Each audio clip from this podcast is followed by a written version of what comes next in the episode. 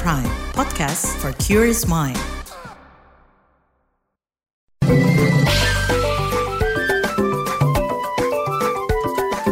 WhatsApp Indonesia.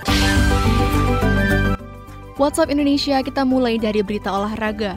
PSSI menargetkan asisten wasit video atau VAR akan diterapkan di kompetisi sepak bola Liga 1 pada Februari tahun depan.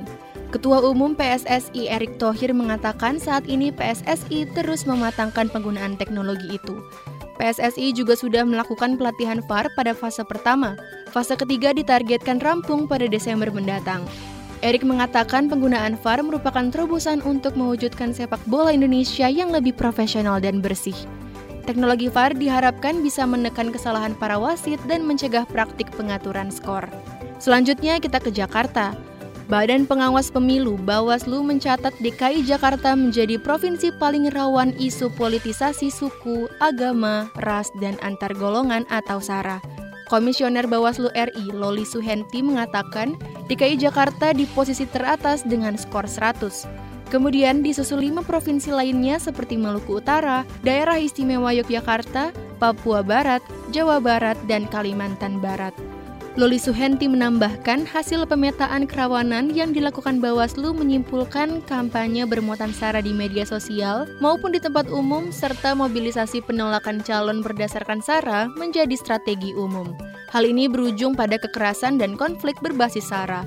Dia mengusulkan adanya bank data politisasi SARA untuk menyusun kebijakan menanggulangi politisasi SARA.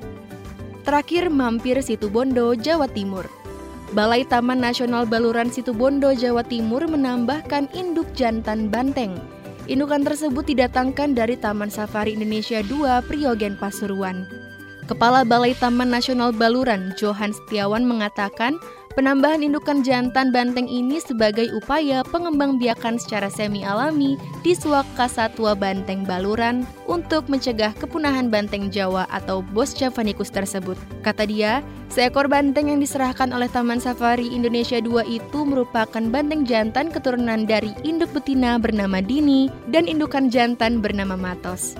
Pengembang biakan semi alami banteng Jawa ini diharapkan dapat membantu meningkatkan populasi dan mutu keanekaragaman genetik banteng. Johan Setiawan menambahkan, indukan jantan banteng dari Lembaga Konservasi Taman Safari Indonesia 2 Prigen tersebut akan dijadikan sebagai pejantan unggul bagi lima ekor banteng betina di Suaka Satwa Banteng Taman Nasional Baluran.